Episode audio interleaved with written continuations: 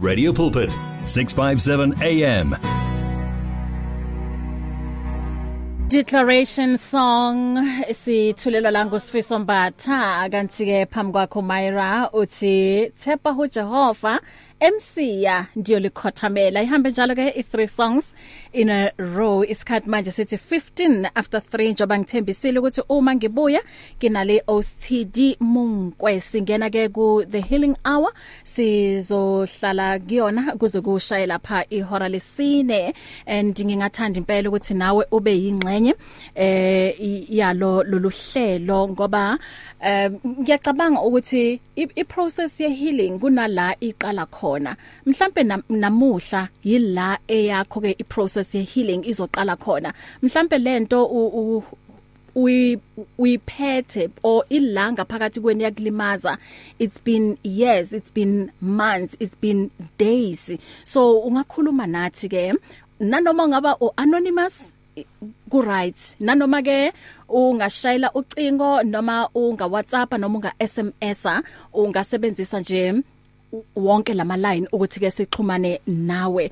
Ngoba sisithidi kubhlungu ukuthi siphile nesizwe esilimele. Yes. Ngoba umuntu uma elimele uzolimaza omunye umuntu angithi. Yes ublidela kwabanye ublidela ebantwini abangamlimazanga yebo. Uzithola wena ubahle sowusula igazi Yeah. lamanxeba angakhoswanga uwe. Yeah. And yabona ukuthi ibhlungu njani leyo nto leyo? Ibhlungu kakhulu. Ugcina uspenda the rest of your life Mm. wena usulana legazi ongalazi ukuthi libuyapi so Amen. ingakho kufanele siphole. Ngiyakubingelela. ngiyabonga abantu ngiyakubingelela nami ngibingelela nabonke abalaleli be Radio Pulpit Amen. nabomama kusase women's month phela ne Yebo. i last sunday ye Yes. women's month so Yes. zimbokodo ngithi happy women's month Amen. Amen. Ngiyanithanda. Amen. Sasithidi sithe namuhla ufika la e studio ngoba both motivator kulenyanga yonke Yes. about forgiving and forgiveness. So sathi ke namuhla asizohlala sikhulume nabomama. Um ngoba kuningi okwenza ukuthi abantu bagcine balimele emphefumulweni. Um abanye baya ba- bayalimala even um siyalimala emotionally siyalimala uh, spiritually. And ekugcineni uthola ukuthi njobe ngisho ngithi ulimaza omunye umuntu uma kuukuthi wena ulimele and then awupholi. So namuhla sithi asipholeni bomama. Yebo. Sithi asipholeni bomama. Sometimes ke ingqondo zethu zizozama ukusiconvince angithi ukuthi mm, um healing ayibi khona. Kodwa empeleni um njoba izwi likaNkuluNkulu lisho lithi ngemivimbo yakhe siphilisiwe. Amen. So bazalwane singaphila. Sisithidi yeah ngiyacabanga ukuthi sizoyi wrap up yes. Um indaba ye forgiveness yes. Yes. Konje siphelele phi last week konje siye sakhuluma ngani? Eh asi asicale la sicale khona. Yeah just to summarize for laba bebangekho nathi kulamaviki andlulile. Yeah eh angisho ithema singene endabeni ye forgiveness mhm.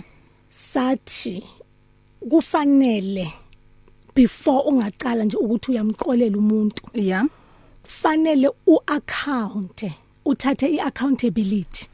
Ukuthi uzibheke esibukweni uthi mina nguthidi yeah. Ngifike la ngifike khona because of ama choices nama decisions engwayenzile whether bewa good or bewa bad but okusalayo ngila because of one so kunomehluko between uk- ukubla- ukuzblame no nokwenza ama excuses. Yeah. that is accountability ne? Sandlula ku accountability. Sathi okay mawuso uthathe i accountability kufanele manje uthini? Yes sidi ngiya acknowledge ukuthi wenze A B C D and E ukuze ufike la. Uzibheke esibukweni uthi sidi ngiyaxolisa for ukuthi ngialawe izinto ezisozenzeke kuwe. Uyabona? Uco uzixolele Uz- uzibheke esibukweni uxolise kuwe. Uyiaccept ne apology yakho because mawungakazicoleli wena uyomcolela njani umunye umuntu? Amen. Sandlula ke kuleyo angisho. Sathi okay so uzicolele ke manje. I step esilandelayo ukucela kuNkulunkulu ukuthi akakucolele naye. Yeah. For lawo ma decisions owayenzile. Mm. so ucela intethelelo manje ukuthi angisho. Amen. So mawuso sindlulile ke kuleso futhi step before asikakafiki komunye umuntu uyabona ukuthi sisadila nawe angisho sathi es- esilandela ukuthi uwamkele because kuba nzima ukuthi umforgive omunye umuntu mawungakamkeli amkela ukuthi yes bengifisa ukuthi impilo yami ingaba so kodwa ithathe enye i-direction. Yeah. So ngiyamkela for how things turned out. Uyazwisisa. So, ngoba mawungamkeli uzomcolela njani umunye umuntu? Ngoba awukakamkeli usho ukuthi wena usase bitter phela u- umuntu ongakamkeli yeah. une anger une resentment ubitter ne depression ikhona khona lapho.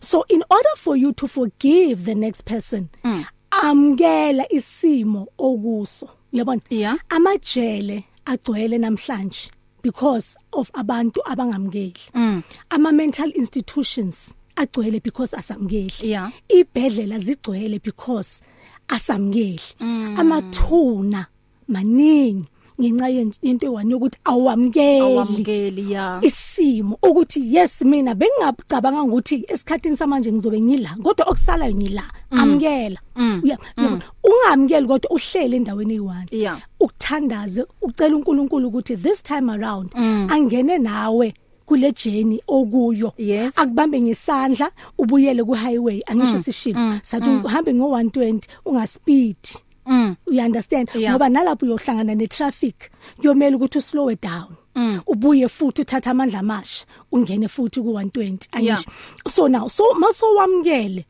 kuba easier now to forgive the person okuzwise ubhlungu because you've accepted izinto Yes. for the way zingakhona. Angiboni mina ukuthi umuntu angahluleka ukucolela umuntu if usekamkela inkinga lana kahle kahle akusi forgiveness. Inkinga akusikuthi sihluleka ukucola sihluleka ukwamkela yeah. So masingafunda ukwamkela izinto the way zibe ngakhona ukuforgive kuyoba nje iprocess esimple yes le process ayisilula si- si- sivumile kulamaviki esindlule kuwo ukuthi it's not an easy process iforgiveness Yeah. it's a very painful process. Ngize nga- nga- nganithatha nganifaka e- e- ecathuleni zami ukuthi ni ni understand ukuthi mina ngibuyapi nami there was a time la bengakhona ukucolela umuntu. I called him names. Yabo ngimfisela nezinto ezingikho right empilweni. Because of le pain bengikuye because ngihluleka ukwamkela ukuthi yes uzile empilweni yami. Yes ulethwe yimi futhi kule mpilo yami. Angisho ngiminvitile noma nguvulile umnyango. Angisho. And then bese nendlela ebesithembisene yona ukuthi siyoyiphila. Kodwa azange usaba njalo.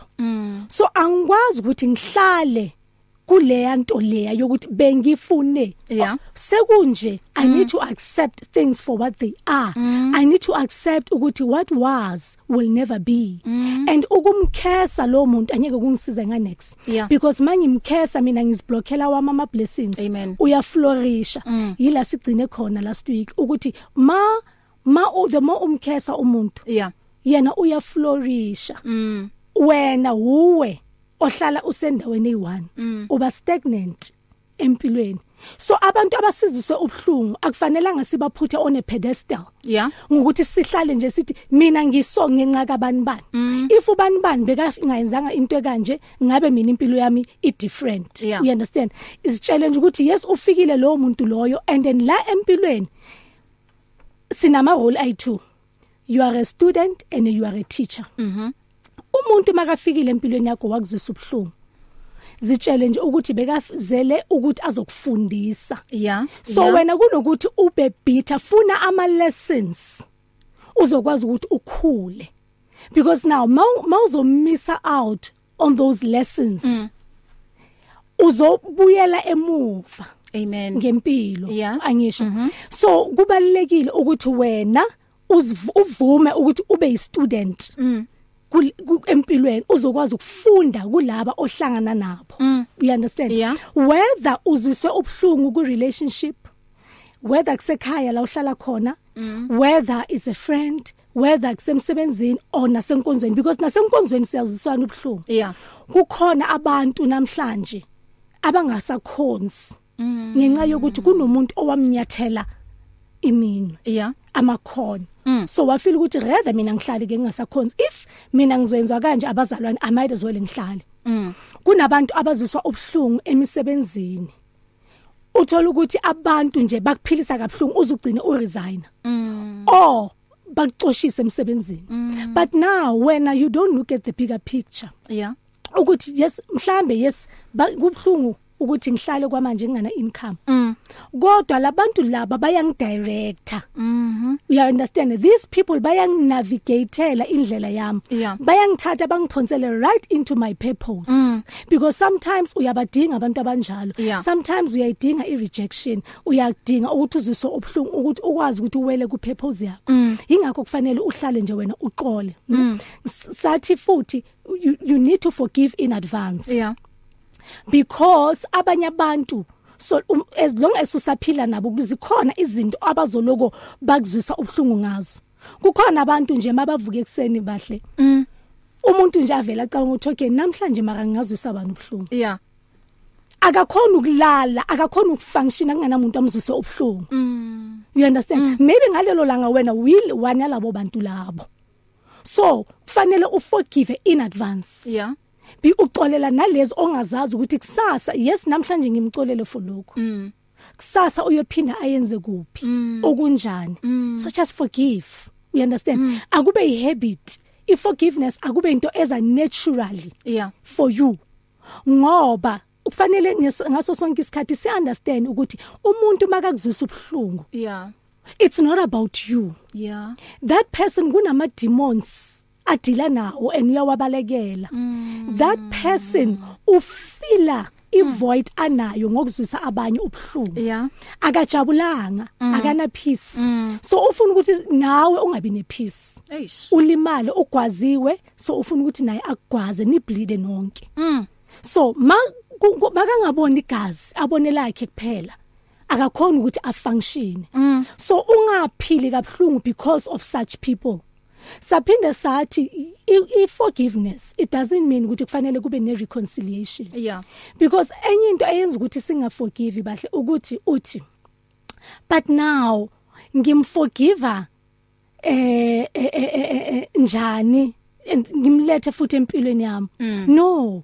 Remember asiforgive umuntu ngoba uthe i'm sorry. Yeah. We forgive ama apologies esingawa receivanga we forgive because kufanele sicole ngoba uNkulunkulu uthe yena sicolelane yeah. ukuze naye asixolele. asixolele. Yeah. Mm. angisho uyasho ku Ephesians 4 so now thina we battle with that because ucabanga ukuthi just because umforgivile lo muntu kufanele umsondeze eduze. No. Forgive them but treat them at arm's length. Yeah. Ukuze bangazophinde bagwaze those wounds Mm. zivuleke futhi. Ngoba inxeba malivuleka futhi kuba nzima manje ukuthi liphole. Ya ngoba ku- kunalenkulumo ethi umuntu uma e- ekubonisa ukuthi ungubani mbelieve loyo muntu. Exactly. Yeah. and then that is where we fail ourselves. Yeah. bese siyamblame lo bese siyamblame lo muntu. We fail ourselves ngendlela yokuthi umuntu uyakubonisa ubahle uyangibonisa ukuthi nginje. Yeah. But mina angifuni kumamkela ngifuna uku- ngifuna lo yabahle lo yangamita ngo2003 yeah. Ukuthi but lo bahle lo ngamitha ngo2003 beka kind Yeah. beka ngiphethe kanje. Ubahle be- bekakwazi ukuthi angidrive ngemoto yakhe manginenkinga ubahle bengikwazi ukuthi mangimfonele ebusuku avuke. You understand? But now ubahle sekayangibonisa ukuthi kahle kahle mina thili ngumuntu okanje. Yeah. but angifuni kwamkela mina ngiphila nobahle ngoba ngisasearchana nalo yabahle waka 2003 hayi lo bahle waka 2021 and then the more mina ngifunana nobahle ka 2003 it's the more ngilimaza utsidi. Yeah. because akekho lo bahle we 2003 ubahle lo ka 2003 bekuyifake. Nangu bahle waka 2021 uye lokufanele ngimbelieve Eish. so we fail ourselves ngokuthi singafuni ukubelieve lokho abantu basibonisa kona. Yeah. you understand? Ingakho ngihlala ngithi thina sizipha i- sizenza i department of social services actually thina abantu besifazane. Sizipha i mandate yokuthi umuntu uzof uzomchintsha eish. Yabona? No mina ngizomsave yabona? Uthando lwami lume- luzomenza ukuthi afune ukuba a better person. You are uNkulunkulu wakhe his maker uye kuphela ongamchintsha not wena. So wena the only person okufanele uconcentrate kuye uwe amen. Ungathatha omunye umuntu umenza iproject uze award itender enye kuzuliholela True. yabona the only tender kufanele uze award lona uwe ukuthi uzibuilde wena. Amen. Injani? yo ngikuzwa kahle thidi. Yes. yeah so siku the healing hour bazalwane mhlawumbe uyayibuza ukuthi bakhuluma ngani? So siya namuhla ke sithi mm, asizaneni ikakhulukazi uma umuntu ku- ukuthi uya struggle uh, to heal from ok- okuthizeni okwakulimaza ngendlela em e- e- e- ngendlela nje ezihlukile yebo siyalimala ngendlela ezihlukile and even namanje njengoba bengisho ngithi it's been years it's been months it's been days lo muntu ukuzwisa ubhlungu awukwazi ukuthi umxolele. Njengoba bengisho phambilini futhi ngithi sometimes our minds try to convince us otherwise. But iqiniso ukuthi um we can all be healed sesithidi yes. that's the promise ukuthi umsindisi wethu um u- u- usoffere yona Yes. ukuthi nanoma leso silonda si deep kangakanani or lobo bhlungu bu deep kangakanani kodwa uma simvumela ukuthi ayazini asinese Yes. lesi silonda Yes. sizogcina sipholile. And simuphi isikhathi? Yebo. Mm. Singamjahi Yebo. And i healing bazalwane might not might not happen in a single moment but mm. with our sincere efforts yes. and God's help it is completely possible. yes. So namuhla ngithi let us heal. Aqale namuhla uma wena bothi ay mina ngeke. leheba karing nkasike ngasimuthwareli because u- tshidi le batla le understand hore motho o onkeditseng. So ngokukhuluma kwakho namuhla kungaba ukuthi yila i healing yakho iqala khona. Yes. Ngicela ukuthi sithathe ikhefu ngizobuya emveni kwalokho uma ke kukhona ostruggle ngakho namuhla khuluma nathi. Ungathumela ivoice note ku 0826572729 noma SMS ku 37871 nencingo ngizoyivula ku 0123341322 mhlawumbe uyasho namuhla uthi ngilimele emphefumulweni and kunzima for mina ukuthi ke ngixolele. Asikhulumeni bazalwana akekho umuntu ozokujaja Yeah. akekho futhi umuntu ozothi hayi ubona usifakile wena kulento. So uzosikhipha ngendlela oyifake ngayo. Cha thina njengoba singu radio pulpit siyasho ukuthi singumngani and singumsizi. Siso- sizosizana ke namuhla ukuthi ekugcineni kosuku siphileni bazalwane. Ngiyabuya. Share the love. Share the truth. Share the life on 657 AM. On 657 AM. We are doing it again. The Radio Camp live on air.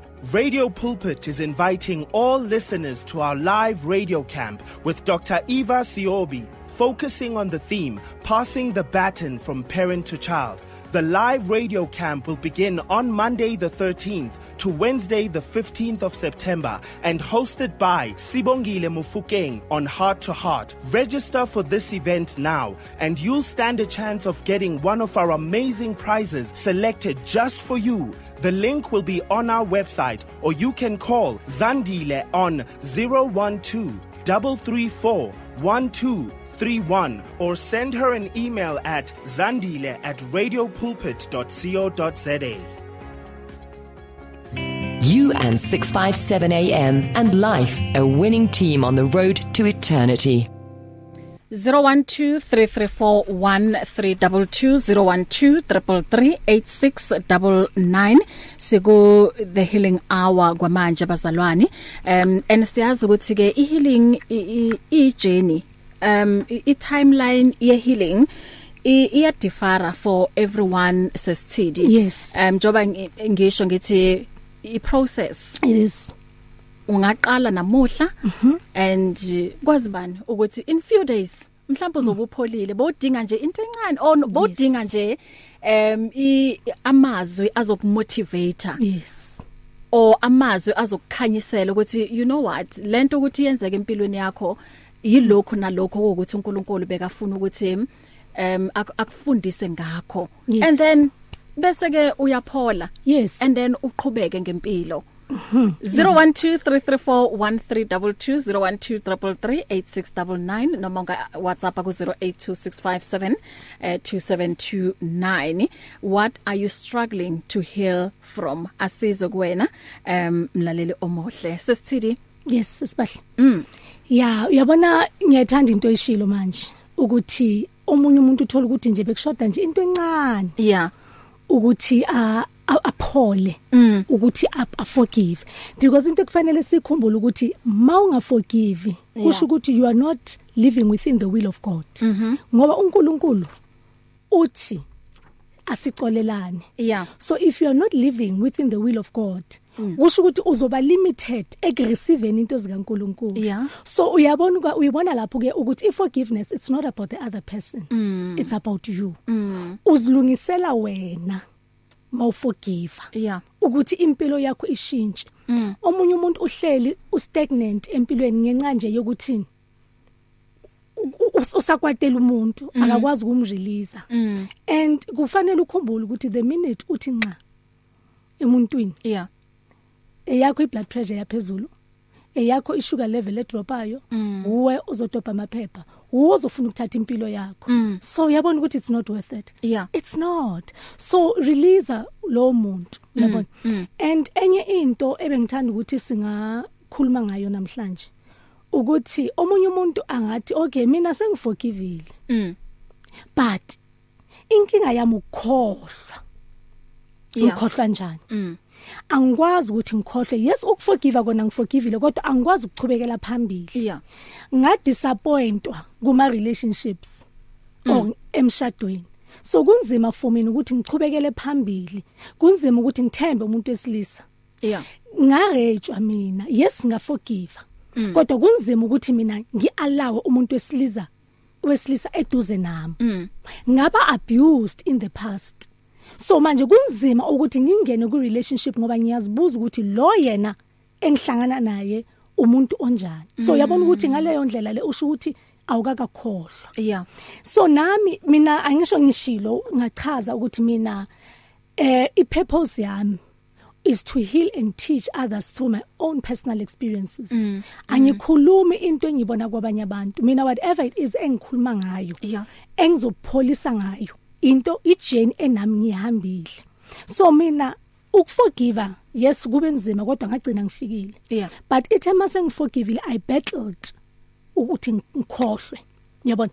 Mangifunda izuku Isaiah 43 uNkulunkulu uthi let we should not dwell in the past. Yeah. sikhohlwe. But ngithi ke uNkulunkulu mina ngikhohlwa njani? Because i'm raising a child nalomuntu mm. Fanele ngihlale ngimbona. Mm. I've written a book. You understand? Yes. Wherever la ngiyakhona ngibuzwa kufanele ng- ngiqale la icale khona lento Yeah. so how do i forget? Mangiposta ku social media ngimyenza marketing yencwadi yami ngikhuluma ngayo yona lento so ngikhohlwa njani? Ukahle kahle uNkulunkulu uthini kimi makathi ngikhohlwe? Uyazisisa and then nakulabantu engithi abakhohlwe maba ngibuka mina ngiloko ngikhuluma ngalento eyangizwisa ubhlungu bafeel ukuthi ngikhohliwe na? Uya you understand? So be be be be- be bengakayi understand nami ukuthi kahle kahle ngikufanele ngikhohlwe njani? Uyazwisisa? Yeah. so now ngakhumbula ukuthi no uNkulunkulu uthi singadweli ku past akathi sibe neamnesia. Yeah. Because phela mawune amnesia usho ukuthi ubahle uzokuzwisa ubhlungu bese uba umngani kabahle futhi? Bese ubuyelana nobahle if bekumyeni wakho. Akuzwisa ubhlungu bese uyabuyelana naye. Because angisho wena une amnesia. Ngoba wena phela ukhohliwe. Ukuthi ubahle wakwenzani? Ukhohliwe ukuthi ubahle wakurape uzohamba nobahle ebusuku. Angisho wena une amnesia. Kanti nza- no uNkulunkulu akasho njalo. Uthi nje singahlali ipast yethu ayibe nje ipoint of reference. Yeah. abafundayo bayazi ukuthi mawenza assignment kukhona into ebizwa i-referencing. La kufanele uquote khona ukuthi umsebenzi wakho uthathe kuphi. Yeah. so you are referencing. Uyabona? So ngathi okay nami usho ukuthi ani akusukuthi angakakhohlwa. Uyabona? I am referencing. Yebo. I'm an author today. So I cannot separate my past from my present. Uyazisisa mm. because ipast yami ingilethe la ngikhona namhlanje. Yeah. ngihleli namhlanje ku studio se radio pulpit because of leyo past. So akunakuthi ngingakhohlwa ukuthi ngindlulephi kodwa akufanelanga ngimeditate ngayo. Yeah. akufanelanga ngimeditate ngipain engindlule kuyo. Kufanele nje kube ireference ukuthi mangikhuluma nobahle ngithi bahle ngandlula entweni eziso. Ukuthi wena uzufunde uphole through ama experiences wami. Yeah. so nami benginalento leyo ukuthi aish but nami I'm not looking forward. Mm. apart from ke leyo enye benginento ukuthi I'm not looking forward ukuthi n- ngibe ku relationship ngoba ngiphoce angiphocile ah, abantu besilisa bangiphocile so anginayo nje leyo nto leyo ukuthi ngingafuna ukuthatha umuntu ngimsondeze eduze nami. Ngathi but now usho ukuthi thidi angakakhohlwa. Yeah. mawusho njalo usho ukuthi awukakhohlwa. You are dwelling in the past. And then uNkulunkulu le phambili kunezinto ezinhle akubekele zona. Impilo is a journey. You had to go through labo bantu ondlule kubo. Ukuthi mhlazana uhlangana nomyeni wakho lo akubekele yena um appreciate Yeah. bozoma appreciate kanjani ungakaze uphathwe kabi so ukuze um appreciate uze ukuze uunderstand ukuthi udeserveani Yeah. kufanele uwazi ukuthi yini ongayideserve Yeah. so for you ukwazi ukuthi kunjani ukuthandwa kufanele wazi ukuthi kunjani ukungathandwa Wow, wow, Yes. wow, wow, wow. Ngikuzwa kahle. Mm. Eh isikhathi sithini manje 20 before 4 o'clock ngo 4 ngi sizobe siphuma nosesithili so kungaba kuhle ukuthi uma uthanda ukushare mhlawumbe eh lokho ongakwazi ukuhila kukho and sibone bazalwane ukuthi singasizana kanjani. Sebenzisa ke lesisikhathi 0123341322 or ku 012 3338699 ungathumela ne WhatsApp ku 0826572729 ungaba o anonymous eh ku right bazalwane. Asilalele la i voice note um sisithidi. Okay.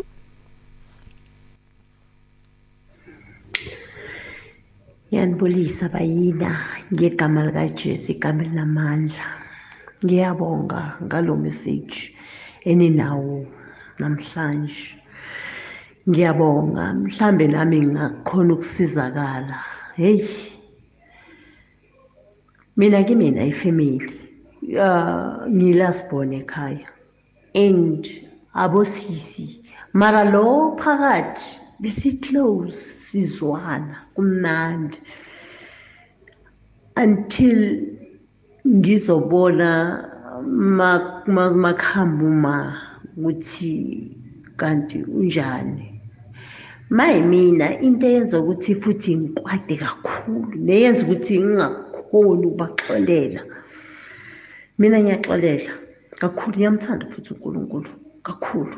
Ngiyaxola uxola ngiyaxola futhi ngiyamcela uNkulunkulu ngize ngincenge uNkulunkulu ukuthi baba la ngicela ukudlula ngidlulise ngicela ukuxolela ngicela ukumxolela lo.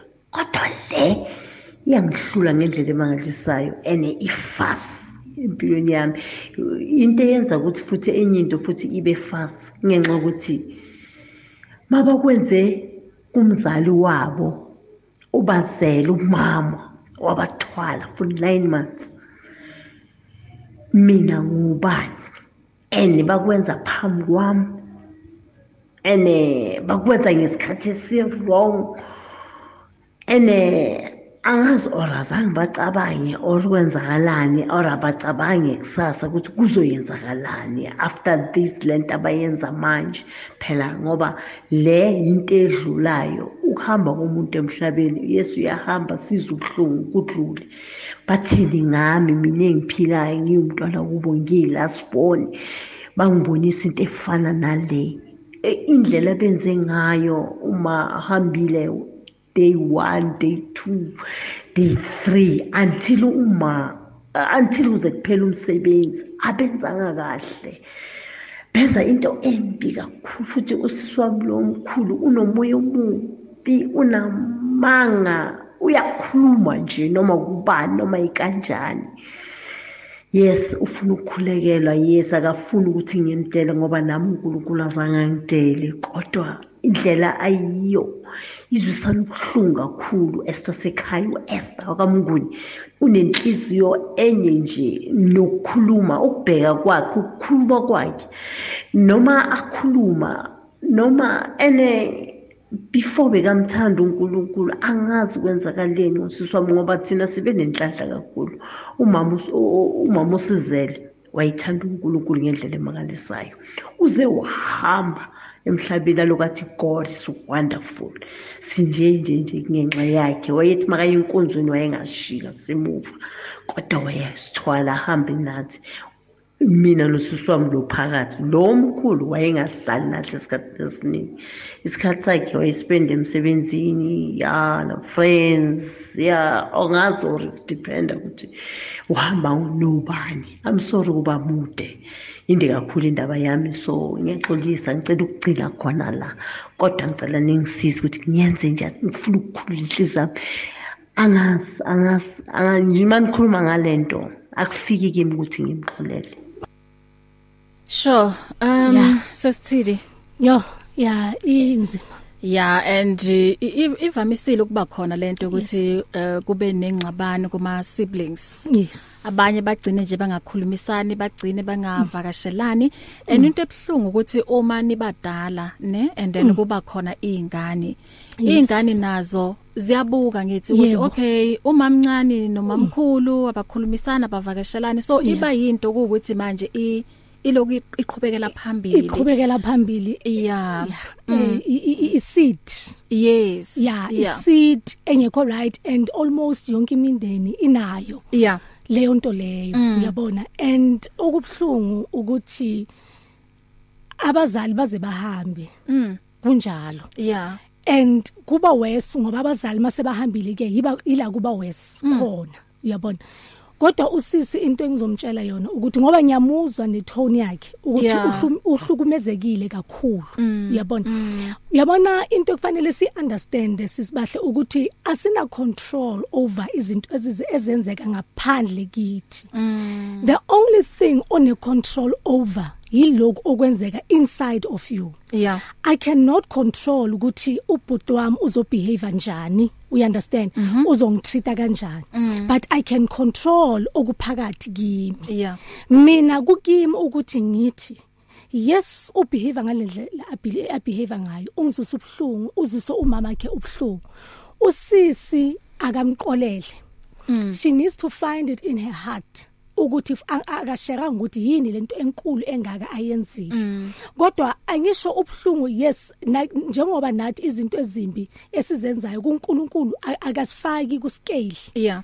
Aka akazimejari he forgives us regardless. Uyabona so nathi masingaforgive ngendlela kaNkuluNkulu ngama standards wasezulwini uyabona angafaki into esikaleni ukuthi le inzima kakhulu iyangihlula anyeke ngikwazi ukuyicolela forgive. Ungayithathi uyifake esikaleni. Yeah. ngoba the minute wena uthatha ubhizi ufaka lento esikaleni lo yasisi wakhe usiphilela kahle kunormal.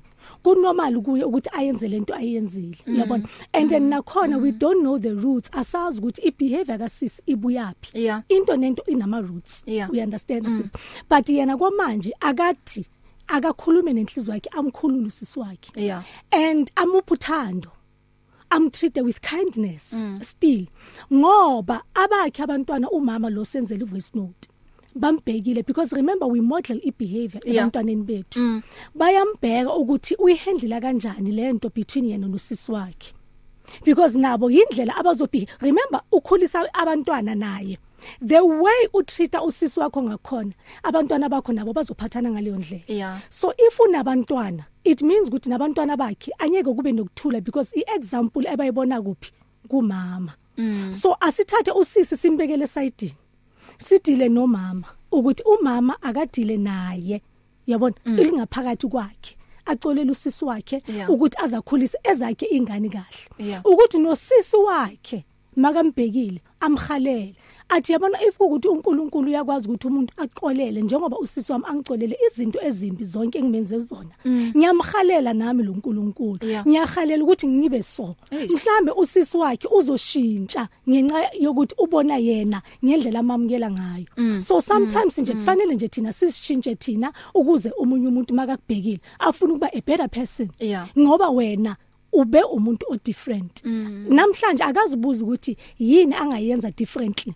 Ukuthi usisi wakhe a experience into e different kuye sometimes abantu baba yiloko thina siyiko. Yeah. uya understand? Yeah. so wena sometimes mawungazilungisa ube nento e positive oyenzayo towards loya muntu angafuna ukushintsha mhlawumbe namahloni. Yeah. Yes. and singakhohlwa sesithili ukuthi sometimes abantu the way ba behave ngakhona uthola ukuthi bane mental um disorder. Yes.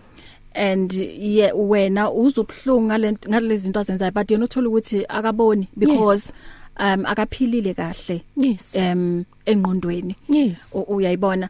So ngezinye zezinto kumele siqaphele ukuthi sometimes iproblem ilapho. Yes. And then thina singumndeni asi understand sitshela ukuthi hayi lo muntu lo unenhliziyo embi lo muntu lo uso so so so kanti ke i- i- ikhona i i disorder anayo Yes. um mentally. Yes. Yes. So nalokho futhi asilethe kuNkulunkulu ngoba kunokunye ukugula kwengqondo ukuthi a psychologist or a psychiatrist ayikho into bangayenza it's only God ongakwazi ukuthi ke abapholise labo bantu. Yeah. Okay asilalele futhi nansi enye i voice note. Batle ai di-topic tsa ka tse ko tsona aowa bathong hey forgiveness ke bothata. Ile haholo gona motho o ka tlhadiwa yo. Mara ka mogau wa modimo re ya kgona. Rena ka borena re ka se kgone mara modimo wa re kgonisa. Nna ke bolela ka nna my first relationship ke ile ka siwa ka ngwana ke tshepisitswe lenyalo. Ile a tshwentse ko nyadiwa bo tlhaela ausi fela. Ka bona ka dinepe tsa ngwana di tliswa di tliswa. Ka mogau wa modimo ne le gona ke fetse go pholoswa. So ka phomelela go ne o se bonolo. Kore ga ke batle go bua o ka re go bonolo. Ne go le botlhoko but ka kgone go feta. Ya nna mosebetsing. E se ke tle ke bolele. Ke tswile mosebetsing. Go sa tlhokagale ka tseko ga ke lebelela batho ba ne ke sebetsa le bona ba tsamaya ka di ka tsa mavili kwa morago. Kona ba tswang di-pensione ba tswa ka di-million. Nna yaka ke itsile e fedile. Le yone eo ke fetile a ke fetile ka mogau wa modimo. Ebile ke na ke lebala ebile yo ya relationship ke a lebala because ke dilo tsa bo forty years back. Mara ngwana ke na le ena se se nthabisang gore family eo ke e rata ebile ke gona ba bonang botlhokwa ba gore o ka re nkabe ngwana a bona a ne a nyetse nna. But ke ba rata le matshong a teng le lesong la ena ntate wa ntse a na le mosadi o mongwe ke a tswa. Ke kgapile ngwanake. So ke ka mogau wa modimo. Ka tse ko re na le bothata. Ya boya gape ya nne ya di- ya di- ya di-family eo yona e botlhoko le go fetisisa. Mara modimo o nkgonisitse o mphetisitse ke ka mogau ha ke ikgantshe ka seo. Ke mogau wa modimo. Ke phela ke na le lethabo le kgotso e se ke tle ke bue. Ke ne ke na le di-flats ke na le dikoloi ke na le ntho tse ntle tse ne ke nagana gore ke tsone but ka tseko ke dula mo go ka tshega mo ke nnang mo teng. But ke na le kgotso mo teng. Ke thabile ebile ga ka tshwarela motho segopi icd eo e tshwereng ke e kgolo. And ga ko sheba mo di-profileng o santse o le motšha o sa tlo thusa ba bangata. Rena se re tsofetse bokoko sara. But ka mogau wa modimo go a kgonagala baetso and ha o batla go kwatisa motho o mmotse ka gore a ye funeraleng ya ex ya hae or ya motho o ene a nyalane le ena nna bona ne ke sa nyalana le motho o, ne e le gona go prepare go nyalana. But ke kgonne go ema ke le motšha ka ya funeraleng ya hae. Ninety nine kwa. Mšone ke sa na le boma thirty something. But last ne ke bua le mme o mongwe ei a nkwatela monna wa hae ya tlhokofetse papa bana ba hae wa lenyalo le sefane o sa se tshwere sa ntato a kwata gore a ndropele phone mo mo disebe ha ke moraya ke re.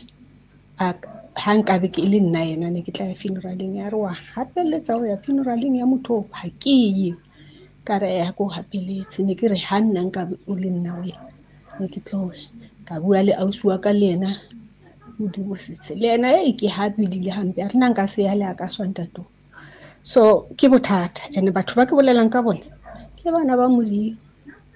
E ka o tsa kere bathong ga re di fetise ntho tsena dilo tsa bo ma fifty years back. Tse tsa rena tse dingwe ke bo ma forty years back. So go lebala ka nnete re ka se lebale ke reverence so nna ke a leboga gore modimo wa re kgonisa wena ka bo wena o ka se kgone se di tswelela pele o thuse batšha ba rona ke a leboga It's difficult to face the overwhelming pressures of life alone. Sometimes we just need someone to talk to, someone to listen to us. And what better way to do that than through a quick and easy WhatsApp text? Whether you're having a hard time coping with school, family issues, being bullied, depression, or anxiety, speak to someone who cares today. Send a WhatsApp message to 064 530 6805 or 074 995 9085. Our I Am Youth Counseling team, Charles DeToy and Danny Vambili, are ready to connect with you today. Radio Pulpit's Facebook page makes you more a part of the station than ever before. Now you can give your opinion regarding our programs or even contact your favorite presenter. You can get the latest news and existing programs and communicate with other listeners. Come on, let your fingers do the talking on Radio Pulpit's Facebook page. It's interactive and dynamic. Just visit facebook.com forward slash Radio Pulpit. Give your faith wings. Explore life with 657 AM. 657 AM. O uyasho la anonymous uthi sisibahle no sesithidi kuyaleboha keep keep it up bana ba modimo re fola from today i will let bygones be bygones uthi kuyabona eh ki kwalla ditsela kuyaleboha ke anonymous. And omunye anonymous uthi it is so hurting sister bahle. Angisafuni ukuzwa lobuhlungu Yeah. oh sesithidi Yeah. nere mesara na share le yena taba ya hae mo. Uh earlier on. Yeah. Singathini ku mam Sara? Ya uma msaka ukhulume into ezithu yeah. Engifu- e- ezingithathile. Eyokucala yabona ukhuluma ngento eyenzeke 40 years ago. Mm. And ngiyacabanga khona umunye mhlambe ekhaya othi usho ukuthi lo muntu umzusu ubhlungu washona uma msaka angatholanga closure mm. Anga angatholanga opportunity yokuthi ambuze ukuthi but why? Mm. Why ungitreat kanje? Uyabona? So enye into es- esiziletha down ngayo because umuntu makakuzusa ubhlungu ufuna iclosure. Yeah. enye into eyenza ukuthi singa move on singa forgive ungafuni closure because iclosure izokulimaza even more. Ziphe wena iclosure. Close the chapter. Yeah. uvule elinye page ubhale enye chapter empilo yakho. Ungafuni kwazi ukuthi umuntu why akwenze ngendlela yenze ngayo because Yeah. it's never about you. Ukuphatha ngaleyo ndlela because kunezinto adila nazo yena ngaphakathi kwakhe. AS2 umamsaka uthi uyasibalela izinto aye waba nazo emhlabeni kodwa namhlanje akasanazo. Kodwa she's happy. So kunabantu abahleli abala abantu besifazana abahleli la kungafanelanga abahlale khona. Umuntu akafuni ukuletha go because kunezinto sekajwayele ukuphila ngazo. They don't want to let go of those things. Rather u- u- usakhambe to i pain ngenxa yokuthi awufuni ukuphila nge- without certain things. So uma msara uluzile lezo zinto kodwa she's happy. So asifundeni ku experience yakhe ukuthi kuyeke let go of old things so that new things can come into your life. Sometimes uNkulunkulu uhluleka ukukublessa because you are still holding on to into ukuthi yo ngine financial investment kulomshado yo sina 15 years sit together. Sathenga icouch eBarcos Brothers together. Lendlu sayibuilda sonke think no just let go so that God can bring new things into your life things that you deserve. And ukwakha nje abomama kokugcina nje before si sihlukana look umuntu makakuzwise ubhlungu akazwisanga umntwana wakhe ubhlungu so let's not deny fathers access. To their children. And when i say this abanye abantu bangithatha ukuthi maybe ngi weak noma ngi naive because mina i allow fathers of my children ukuthi babe ne relationship nabantwana babo ngendlela eyabo not eyami. Asingacabanga ukuthi abantwana bethu we are the only ones who are capable of loving them.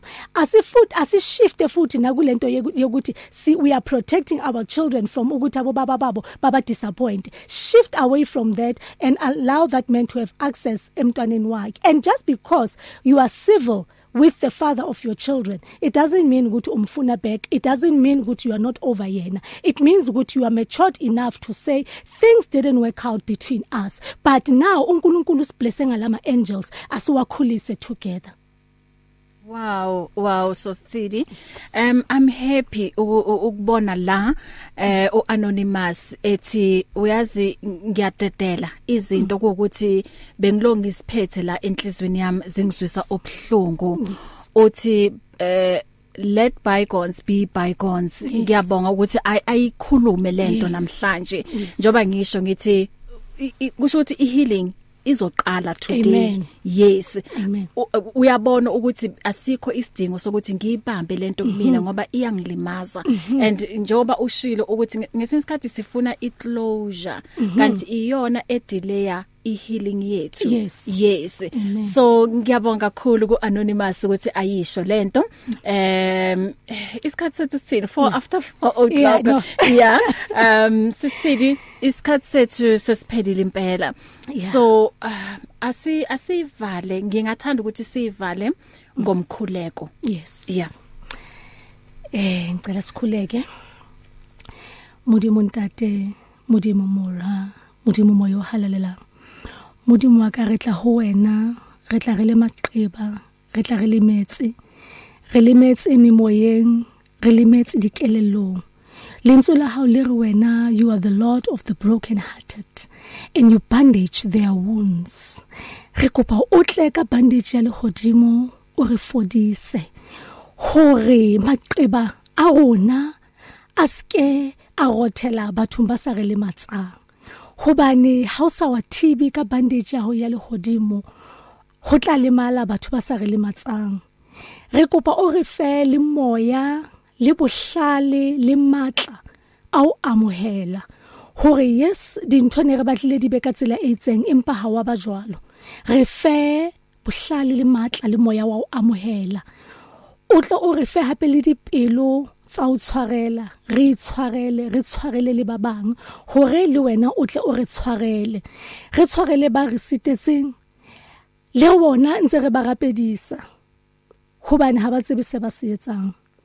O ba tshwarele hobane hona le batho ba ileng hore ba utlwisa batho bohloko ba sa tsebe bona hore ba ba utlwisa bohloko so re kopa o re tshwarele. Hobane kaofela rona re lefifing re hloka wena monga tsela. O retele pele re ikakitlele ka letsoho la hao. Re tsamaisane le wena. Re kopa hore maphelo a rona a change go tloa ka jeno focus ya rona e be ho wena. Re tsebe hore wena tsohle tse re di hlokang di ho wena hore you are the original motivational speaker and life coach. Hore lentswe la hao e be lona navigator ya maphelo a rona. Hobane monga tsela ke wena. Ra leboa re lebola this opportunity le this platform ya radio pulpit e re fumaneng hore re tle re fodise ba bang ka maqeba a rona re ileng ra ba le ona. Tsohle tse re di kopa ka lebitso la mora hao a le mong e leng yena Jesu Kriste amen. Amen and amen. Amen. Siyacela baba. Nabo bonke okuwukuthi kwamanje kubhlungu abakwazi ukuxolela. Sicela ukuthi ubasize baba ukuthi bakwazi ukuxolela ukuze nawe ubaxolele. So mzalwane keep trying and trusting in the lord. Amen. And be kind and patient with yourself. uNkulunkulu unendlela of turning our difficult sesithidi difficult challenges yes. into experiences for our good. Yes. And he, is- he is always there ukuthi asisize and Yes. guide us through our healing process Amen. so kusukela namuhla asimvumele ukuthi kube uyena Amen. asipholisayo resa resa resa zama kamatla arona and then sometimes ukuthi um u- u- uyazama wena ngokwakho ukuthi ngifuna ukuyikhohlwa. U- u- ungazami ngalawo mandla akho ukuthi ngifuna ukuyikhohlwa lento akube ayize naturally. Yes. Yes. Injalo. Yeah mina ngikhuliswa ubaba Makhathini the late man of God may Yeah. his soul rest in peace. Eh wayethi bengisasemncane ngaleso sikhathi ngana ama life problems. Athi ngelinye ilanga uzothena ama problem ama problems wakho kuzoba ama opportunities. Yeah. so namhlanje ngikhulile i am turning my problems into opportunities. Wow. so nani ekhaya ngithi turn your problems into opportunities Amen. and your challenges into blessings. Amen. ungagive up chubekela phambili. Nami ngifundile. Ngithande lokushilo bahle in the beginning wathi mhlambe kwabanye ihealing iqala namhlanje.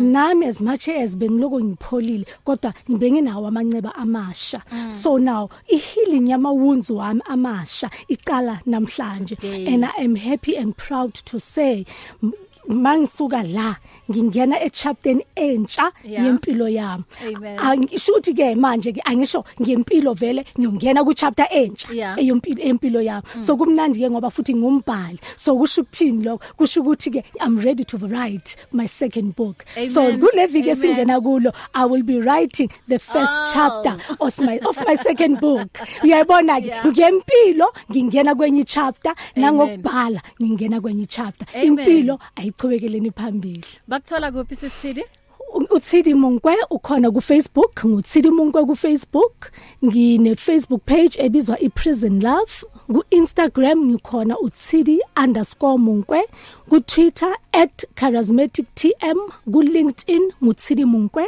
Ngikhona na ku WhatsApp u066 172 6715 066 172 6715 nithengeni phela nencwadi yami Prison Love nizophola amanxeba amen It's difficult to face the overwhelming pressures of life alone.